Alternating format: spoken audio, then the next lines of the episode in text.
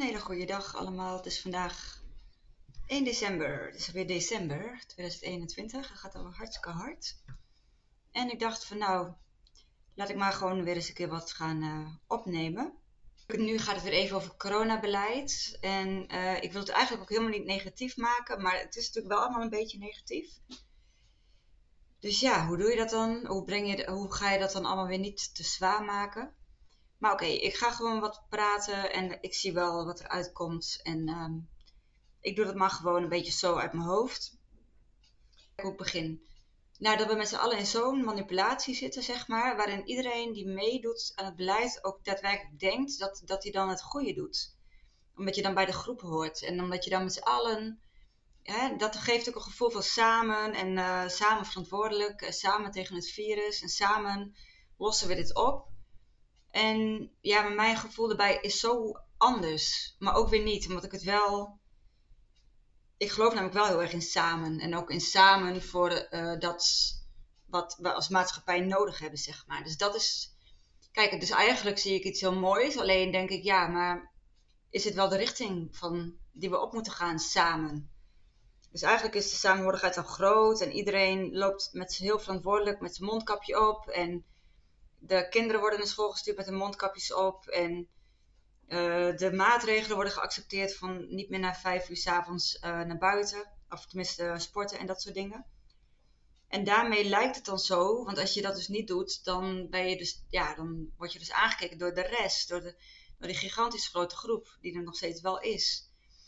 Um, maar dan denk ik, maar als we nou eens gewoon heel logisch, zonder alle gevoelens en alle emoties, gewoon eens logisch kijken naar, ja, naar de maatregelen die we nu dus allemaal zo goed volgen ja, dan vraag ik me wel af van ontnemen we ons dan die ruimte om daar gewoon kritisch naar te blijven kijken, omdat je je dan, dan dus misschien ook tot een ander inzicht komt en daarmee dus ook buiten de groep zou moeten gaan plaatsen, wat dus gewoon heel onveilig voelt, omdat die groep heel groot is en steeds ook wat, ja, alles wordt wat stelliger, omdat nu natuurlijk ook daadwerkelijk de cijfers stijgen in het ziekenhuis en veel mensen ziek zijn, veel mensen corona hebben.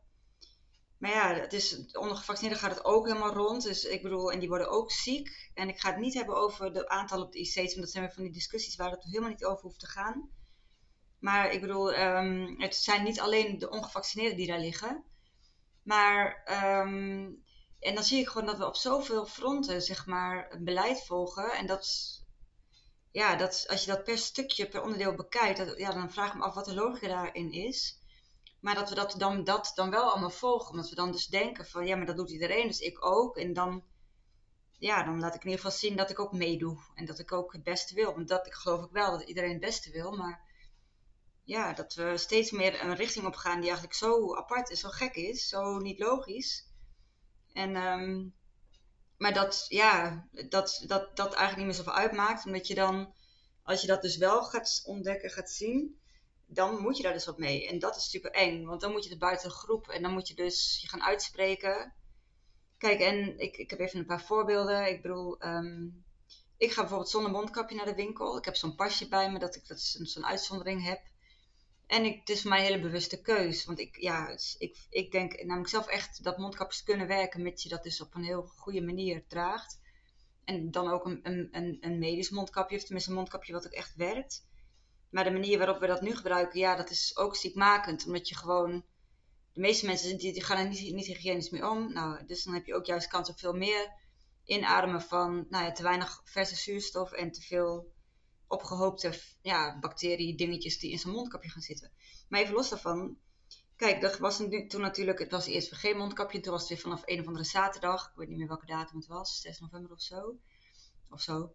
En toen ging ineens iedereen weer met het mondkapje op. Nou, en ik dacht toen van ja, maar als je dat zo belangrijk vond, had je dat toch ook gisteren al kunnen opzetten. Waarom doe je dat dan vanaf het tijdstip dat het moet?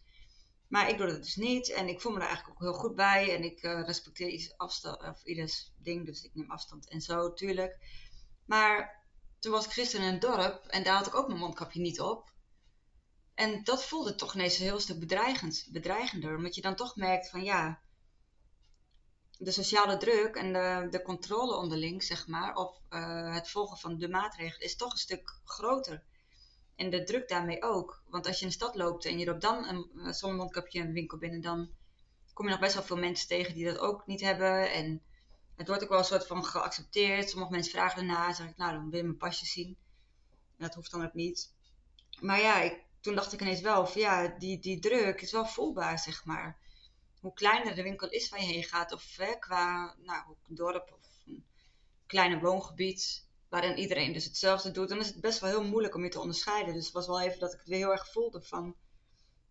Het is makkelijk praten, zoals in mijn positie, hoe ik met bepaalde dingen omga. Maar dat is natuurlijk in heel veel situaties gewoon niet. Hè? Dus uh, dat is ook heel erg afhankelijk van, van je omgeving en van de druk die je daarin ervaart. En van de druk die je zelf voelt. Uh, en ja, dus nou ja, dat allemaal. En toen was ik dus ook vandaag eh, bij de Lidl, andere winkel. En toen stonden er twee van die hele kleine meisjes achter me met een mondkapje op. En die zeiden zo, ik ben zo benauwd en ik vind het helemaal niet fijn. Dus ik kwam gewoon een beetje met hun in gesprek. En toen zei ik, goh, en moeten jullie ook op school een mondkapje op? Ja, in, in de gang. En want uh, dat moet en dit en dat. Maar het was gewoon zielig. Ik vond het gewoon zielig. Ik denk van die kleine meisjes en helemaal benauwd met een mondkapje op. En dan denk ik, zo'n maatregel. Kijk, eerst zou het zo zijn van, nou, de scholen gaan misschien dicht. Dus iedereen in paniek, want de scholen gaan dicht. En dan moet je, moet ja, hoe doe je dat dan met je werk en zo. En dan is het zo ja, de scholen mogen toch open. Maar de voorwaarden zijn uh, mondkapje dragen en, weet ik veel, nog een paar dingen. En dat wordt dan ineens gezien als, oh gelukkig, nou dan moeten we dat maar even doen. Terwijl het is gewoon zo schadelijk voor jonge kinderen dat ze zo met zo'n mondkapje moeten lopen. En daarnaast, dan wordt er wel gezegd, het is vrijwillige basis, het hoeft niet per se of zo. Maar ja, stel je voor dat jij als ouder je kind naar school brengt en je wilt gewoon niet dat je kind een mondkapje op heeft. Dan breng je ook nog eens het kind in een hele moeilijke positie. En wat waarschijnlijk een merendeel wel een mondkapje op heeft.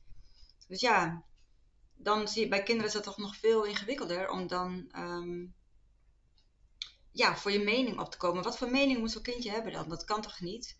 Dus ouders staan daarin dus ook gewoon hartstikke klem. Dus die denken, ja toch, mijn kind gaat echt niet met een mondkapje uh, oplopen. Want ja, dat is gewoon hartstikke slecht, weet je. Gewoon niet alleen voor de gezondheid, maar ook voor, uh, ja, je, hoe leg je dat nou uit als zo'n kindje? Je hoeft het niet te doen, maar de rest doet het wel, maar jij moet het gewoon niet doen. Terwijl ja, dus ik bedoel, zo'n kind die gaat natuurlijk ook mee met de groep. Want die wilde ook bij horen. Zo, werkt, zo werken dat soort dingen gewoon. En dan, ja, ik vind dat heel ernstig. Van die hele jonge kinderen. Die dus met dit soort uh, rare um, maatregelen worden geconfronteerd. En dat de ouderen daar dan eigenlijk niet zelf voor opkomen. Omdat iedereen dan kennelijk ook gelooft. Ja, maar ja, anders had de school dicht moeten. Dus dan maar even een mondkapje. En nu zag ik alweer een filmpje voorbij komen met zelftesten twee keer in de week. Voor, je, voor basisschoolkinderen. Nou, dan zag je ze allemaal oefenen met zo'n stokje in de neus. En dan, en dan oké, dat zou dan allemaal zo zijn, omdat anders de ouders en de, de grootouders worden besmet. Maar die zijn toch bijna allemaal gevaccineerd? Dat was toch het redmiddel? Dus wat is dan het probleem? En als al die kinderen het gewoon krijgen, hou je toch niet tegen. Dan is het toch goed?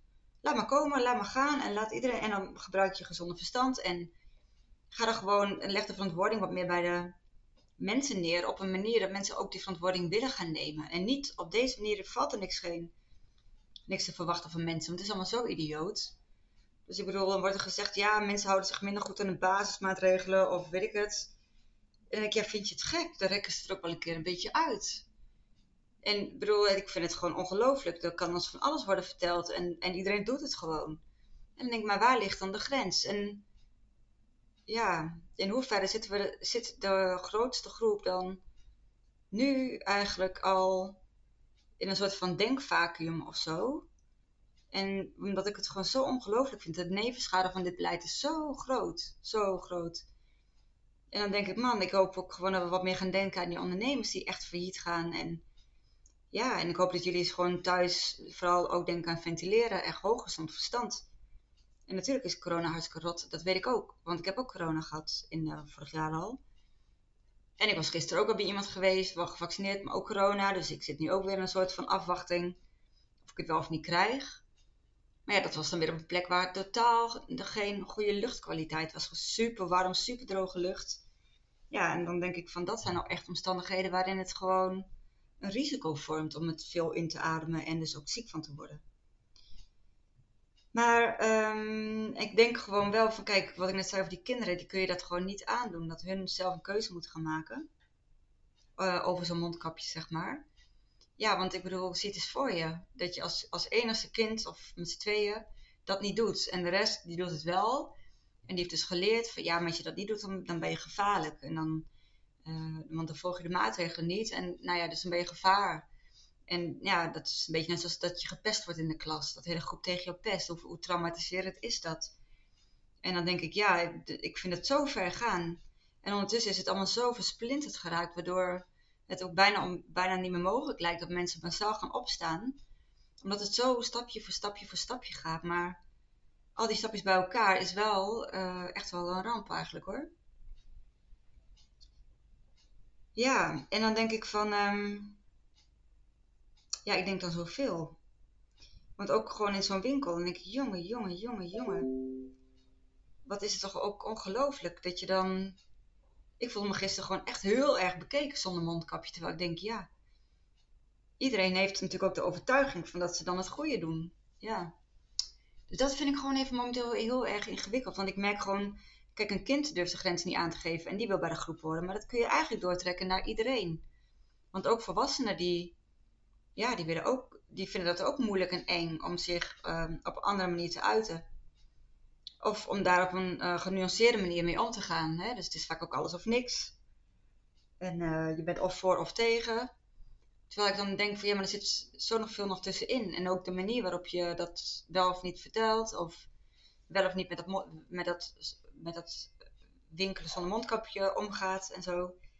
Er zit allemaal nogal veel nuance tussen, toch? Dus um, ja, dus ik vind het een beetje een gevaarlijke ontwikkeling, zeg maar, die ik nu zie. En dan zie ik ook zoals gisteren dat hele Eerste Kamerdebat, boef. Daar zie je hetzelfde gewoon. Iemand met een afwijkende mening, die wordt zo uh, ja, weggezet, zeg maar, als gek. Of als gevaar, of als complotdenken, of theo, weet ik veel, allemaal nepnieuws. En dan denk ik, hoe is het mogelijk, zeg? Hoe is het mogelijk? Hoe zitten we, waar, hoe, hoe gaat dat nu in, in het hoofd? En hoe doorbreken we dat nou? Wanneer wordt het nou zichtbaar?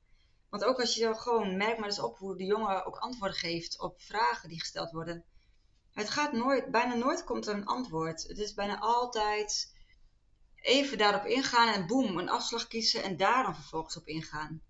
Dus het gaat bijna altijd over randzaken of over zaken die er totaal niks mee te maken hebben of uh, met dingen die iemand ooit wel of niet heeft gezegd.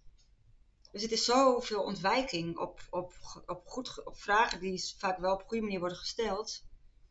En dan zie ik gewoon dat, kijk, dan zie je vaak eerst mag iedereen zijn inbreng doen in de Eerste en Tweede Kamer. En dan nou, zijn mensen nog wel kritisch, hebben ze goed voorbereid, ze weten wat ze willen zeggen. Maar op het moment dat Hugo de Jonge dan aan het woord komt, dan, ja, dan zie je het gewoon afglijden. Alsof hij, hij kan op een of andere manier ook gewoon zo goed manipuleren en uh, een soort van vage antwoorden geven, waardoor iedereen wat ontregeld raakt. Waardoor het gewoon weer een richting op gaat wat, wat niet past bij de eerste de ronde van de bevragingen, zeg maar. Die dan vaak wel stellig zijn. Nou ja. Want nu ook denk ik, ja, dan gaan ze praten over zo'n 2G, maar dat, speelt ook al lang. Maar ja, dan denk ik van, oh, hoe, hoe onlogisch wil je het hebben? Hoe onlogisch wil je het hebben? Hoe? Want ik bedoel, het is nu toch helemaal al bekend dat, je, dat mensen die ook geprikt zijn, ook hartstikke ziek kunnen worden en ook gewoon positief getest. Dus wat is nou nog het verschil? Ja, toch nog een, een bepaald percentage. Ja, maar voor hoe lang dan? En als je dat percentage, wat zeg maar minder dan op de IC zal komen, doorrekent naar het percentage van de mensen met bijwerkingen en ook ernstige bijwerkingen, hoe is het verschil dan nog? Ja, en dit, ik bedoel, volgens mij valt het gewoon niet tegen te houden. En dan nu weer die nieuwe variant. En dan allemaal weer gelijk alweer allemaal van ja, het vaccin dat past niet meer en toch wel of niet en wel. Maar ze hebben dat hele virus toch, toch nog niet kunnen onderzoeken. Nou ja, dus ik vind het allemaal nogal uh, vreemde ontwikkelingen. En um, ja, ik denk dat we gewoon een beetje verdoofd lijken te zijn met, met elkaar voor, voor de echte idioterie die er speelt. Want ik bedoel, op deze manier gaat de coronacijfers echt niet afnemen, eerder toenemen. Maar als iedereen zo meteen s'avonds binnen of nu al binnen moet zitten. En er niet echt gehamerd wordt, zoals ze altijd hebben over uh, dicht, dicht, hameren of zo. Gewoon die, die gereedschapskist. Hamer dan op de, het gezonde leefklimaat binnen. En ik bedoel, natuurlijk moet het gaan over juist wel sporten, wel bewegen, wel naar buiten. En alle voorwaarden om gewoon gezond te blijven in een griepseizoen. En al die mensen in quarantaine, alsof dat ooit geholpen heeft om de cijfers naar beneden te brengen. Nou, volgens mij niet. En, en het helpt niet en, dan heb je, en het is gewoon een ramp voor die mensen. Dan moet je je voorstellen dat je zo oud bent en zo eenzaam. En dan heb je al bijna twee jaar van dit beleid achter de rug. En dan moet je weer zo'n periode in. Nou, dat, is toch, dat vind ik wel, ook wel vreselijk erg. Nou ja, en ik, ik ja, kan nog zeggen van... Stel je nou voor dat je wel uh, het wil bespreken of het wel voelt, zeg maar, van dat er iets niet klopt. Ja, dan, um, dan denk ik gewoon dat ik, ik ga denk gewoon hierna een filmpje maken met hoe je dat kan aanpakken. En hoe je dan zeg maar stap voor stap wel, uh, nou, een andere kant op kan bewegen, zeg maar. Dus dat is ik ook heel erg onderschat hoe moeilijk dat is. Omdat het zeg maar, het is ontzettend groot en de druk van van de mensen die allemaal wel gewoon volgzaam zijn, ook al denken ze misschien wat anders, maar die druk is natuurlijk wel, ja, die, die, die heeft op heel veel aspecten in je leven misschien toch een grote rol. En dat kan ook wel zijn op je werk, je wilt je, je baan niet kwijtraken, of alle vrienden, de hele vriendengroep die er anders over denkt, of nou, familie, of je partner, of je ja, de school voor je kinderen. Dus het is allemaal heel erg ingewikkeld en complex. Dus dan kan je wel makkelijk zeggen, spreek je je uit, of je moet je uitspreken. Maar dat geloof ik niet, want dat is echt heel moeilijk. Daar komen ook nog heel erg bij kijken van ehm, ja, hoe, je zelf als persoon bent. Dus durf je je überhaupt wel uitspreken? Of ben je gewoon meer een type die dat heel spannend vindt en denkt van nou, ik, um, ik volg gewoon. Want ja, het is gewoon meer van, kijk, we kunnen allemaal blijven volgen, maar dan, maar dan denk ik van, maar welke kant volgen we dan op? De kant van de oplossing of de kant van um, denken dat we het goed doen, maar eigenlijk echt um, uh, ja, een beetje het ravijn ingaan, zeg maar. Want, want we zitten nu weer voor de winter en dan nu weer nieuwe variant en dan moeten we misschien weer andere vaccins en, en, en gedoe. Dus dat, bedoel, dan is het, lijkt allemaal niet heel erg gauw opgelost, terwijl er al wel ruim 80 miljard uh, schuld is. En, en niet alleen 80 miljard schuld, want reken ook nog maar eens al die schulden erbij op van al die ondernemers die ze vanuit, uh, vanuit hun eigen portemonnee hebben moeten betalen. En dan ook nog de schuld van, um, niet, het is geen geldschuld, maar de schuld die ligt in de zorg. Van al die mensen die al lang een diagnose hadden moeten krijgen of behandeld hadden moeten worden. Nou en, en, en zo kun je dat natuurlijk nog veel breder trekken. Dus ik bedoel, uh, de schade van dit beleid, financieel, maar ook emotioneel en fysiek en, en dus voor de hele samenleving en de hele saamhorigheid, ja, die is gewoon intens groot. En dan is corona natuurlijk ook heel erg. Alleen corona is erg en dan alles erbij maakt het echt nog twintig keer zo erg. En ik bedoel, moeten we dan nu weer 80 miljard gaan steken in steunpakketten, terwijl er valt niet meer zoveel te steunen. Want de ondernemers hebben ook zoveel zelf moeten uh, betalen dat, als dat geld ook wel op is en, en die belastingsschuld die moet ooit nog terugbetaald worden, wat ook al niet kan, ja, dan is het toch, dan is het toch, dan is het toch klaar. Dan kan het toch gewoon niet verder zo. Dan, moeten we, dan moet er toch nu gewoon drastisch iets gaan gebeuren. En, en als ik dan terugkijk, alles wat voorbij komt naar mijn e-book, denk ik, ja, het klopt gewoon allemaal. En ik weet ook niet hoe ik het al toen wist. Maar ik had het gewoon zo snel door. Ik, ik weet het niet. Het zal ook te maken hebben met alle ervaringen die ik in het leven heb of zo. Ik weet het niet. Maar dan denk ik, shit man, dat komt uit, dat, dat, dat. Terwijl ik dan denk, ja, met virus is er niet minder door geworden. En daar gaat het toch om. Want ik ben toch helemaal geen uh, corona-ontkenner. Ik bedoel, ik heb zelf ook corona gehad en ook heel lang met nog steeds een beetje dat long-covid. Dat is ook een onderschat probleem. Dus ik bedoel, ik, dat, dat is er allemaal wel. Maar daarom denk ik dat dit beleid niet past. En, um, want wat hebben we dan zo meteen nog aan? Wat voor maatschappij hebben we dan straks nog? Dus, uh, en ik hoop gewoon heel erg dat we echt een beetje stapje voor stapje de andere kant op kunnen gaan bewegen, zeg maar. En dat is wel moeilijk, omdat de emoties natuurlijk al wel uh, een beetje in het rood staan bij heel veel mensen. En de coronamoeheid, het er niet meer over willen hebben. Maar wie weet kunnen we het er wel weer over willen hebben als het een andere kant op mag gaan. Dus de kant van oplossingen en de kant van opkomen voor je kinderen. voor de toekomst, voor de jeugd en voor de kinderen ook. Ja, nou, dus dat. Dus um, ja, ik hoop gewoon. Ik ben nog steeds aan het zoeken van. Ik ben dan bezig met online trainingen te maken. Maar ik doe dat over verschillende thema's. ADHD. En door mijn ADHD loop ik ook snel vast trouwens. Te veel ideeën. En over narcisme. En dat kun je ook wel weer heel erg koppelen aan die manipulatietechnieken die ook gewoon nu in door het kabinet worden gedaan. En dan nog eentje over long covid. Want ik denk ja, het gaat ook heel erg over. Dat, dat kun je ook op heel veel verschillende manieren uitwerken. Zeg maar, hoe ga je daar nou mee om? Of wat wou ik nou zeggen? Maar ik denk ook dat dit, zeg maar, dat, dat, dat, dat dit stuk waar we nu in zitten en hoe pak je die communicatie aan en uh, hoe ga je hier nou mee om en hoe laat je je niet, ja, hoe zeg je dat nou? Hoe, hoe kom je nou weer terug naar je eigen manier van denken? En dat daar ook best wel veel over te zeggen is. En daarom heb ik gewoon zoveel ideeën en dan doe ik dus steeds niks. Maar ja, het komt wel. Ik hoop gewoon dat iedereen gezond uh, blijft. En dus ik zou echt zeggen van nou, denk vooral aan, aan het ventileren. Niet te lang in een afgesloten ruimte zijn met iemand. Denk aan een goede uh, luchtvochtigheid. Dus niet te droge lucht, want dan blijft zo'n virus lang zweven in de lucht. En dan kun je het constant inademen, waardoor je dan uh, ook best veel binnen kan krijgen. Ja, en ik, en ik hoop gewoon dat, dat het lukt om, om thuis ook een beetje gezellig te houden en de sfeer een beetje goed te houden. En ja, ik denk dat er toch wel veel behoefte aan kan zijn over hoe ga je er nou mee om met elkaar. Want dit is natuurlijk, ja, het is een hele ingewikkelde situatie waar we met z'n allen in zitten. En um, ik vind het op dit moment, vooral voor de ouders en de kinderen, lijkt me dat echt ernstig moeilijk zie ik natuurlijk ook bij mijn eigen zussen en broertjes en zo. En die hebben ook allemaal jonge kinderen. En die hebben ook hun eigen mening, maar wat kun je nou doen?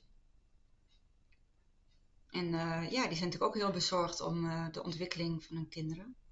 Ja, en dus ik hoop, nou ja, ik hoop gewoon dat, uh, dat er gauw een, wat meer ruimte gaat komen voor ehm, het ja, weer toestaan van logisch nadenken. En van opkomen voor wat jouw gevoel zegt en je intuïtie. Zonder ruzie en dus ehm, in gesprek met respect voor elkaar en ook leren omgaan met als een ander het respect niet voor jou heeft. Dus hoe blijf je dan rustig? Dus dat. En ik mag nu ook gewoon gaan afwachten of ik wel of geen corona weer krijg. Dus uh, ik zie het wel. Ja. Nou, voor nu, uh, ik stop maar weer even. Ik ga weer verder kijken naar het debat op, in de politiek coronadebat. Waar ook veel, hoe zeg je dat? Twee kampen zijn, zeg maar. Nou, goed. Um, tot zover. En ik wens jullie nog een fijne woensdagavond 1 december.